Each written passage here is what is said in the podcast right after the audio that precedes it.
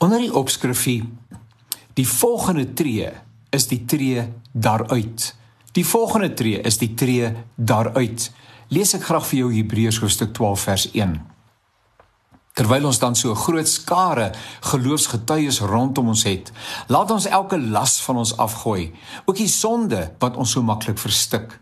En laat ons die wedloop wat vir ons voorlê met volharding hardloop, die oog gefestig op Jesus, die begin en die volëinder van die geloof.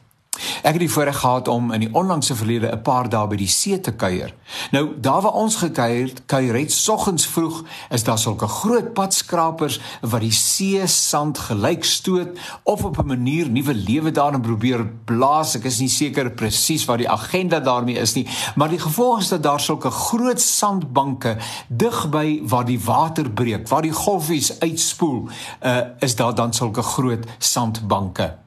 En so probeer ek see se kant aan die onderpunt van so 'n sandbank verby draf. Maar die volgende tree het my bykans knie diep in die modder. Alles is nat en besmeer. My tekkies weeg swaar van die water en die modder wat dit absorbeer het.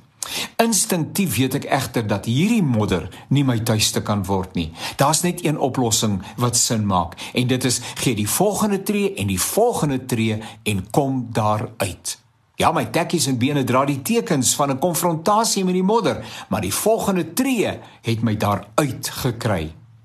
In aansluiting by gister se dagstukkie, ons moet die gesindheid ontwikkel wat sê, ek het doodgewoon, nie ander keuse nie. Ek moet hier uit. Ek moet hier uit. Ek moet nuwe weë verken. Ek moet hergroepeer, myself nuut definieer, vrede maak met dit wat is en kyk hoe ek dit gedienstig kan maak aan my toekoms. Die tekkies het weer droog geword en ek kon die modder uitborsel. My bene met 'n bietjie water kon weer skoon kom. Dit mag vir jou voel asof alles teen jou is. Maar ten tye van swaar en beproewing en trauma is gevoel soms 'n vyand. Voel dan nou en gee erkenning, maar besluit dat daar daar en dan dat 'n moddertuiste nie vir jou bestem is nie. God het aan ons die wonderlike vermoë gegee om onder leiding van sy Gees met die woord en beloftes wat daarin vervat is, en natuurlik die onmoontlike aan te durf.